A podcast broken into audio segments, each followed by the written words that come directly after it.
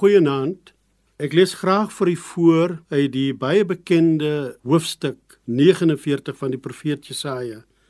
Jesaja 49 en ek lees enkele verse daar. Vers 15 lui byvoorbeeld soos volg: Kan 'n vrou haar eie baba vergeet, haar nie ontferm oor die kind wat sy in die wêreld gebring het nie?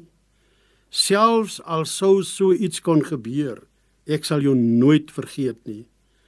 Ek het jou naam in my handpalms gegraveer. Ek sien jou mure altyd deur voor my. Jesaja 49 vers 16 is 'n baie besondere teks. Want 'n mens kan maklik die verkeerde afleiding maak dat die Bybel God se hand per definisie net as 'n baie sterk hand beskryf. In Jesaja 49:16 weet ons nou dat God se hand ook 'n verbryselde hand kan wees. Selfs net het 'n uiters eenvoudige handeling soos om met 'n pen iets op die hand te skryf kan 'n pynlike ervaring wees indien mens nie versigtig te werk gaan nie. Terwille van sy mense gooi God alle versigtigheid oorboord en skryf hulle naam diep in sy handpalms.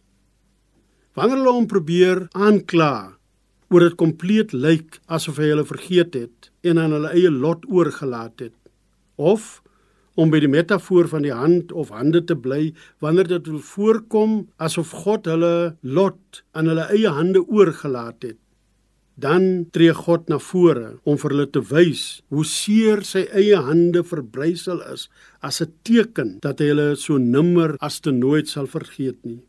Soos Jesus wat skielik na sy opstanding uit die dood in 'n kamertjie aan sy disippels verskyn en vir hulle sy deurboorde hande wys as die teken dat daar vir hulle vrede sou wees.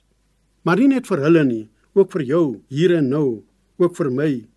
Ten spyte van COVID-19, ten spyte van woelinge hier naby en ver, ten spyte van die onrus in jou eie hart, God se eie verbryselde hand en Jesus se eie deurboorde hande is die waarborg en daarom mag ons maar met oorgawe met vrymoedigheid in die geloof ons hand in sy hand plaas na mate ons koers kry die toekoms in. Amen.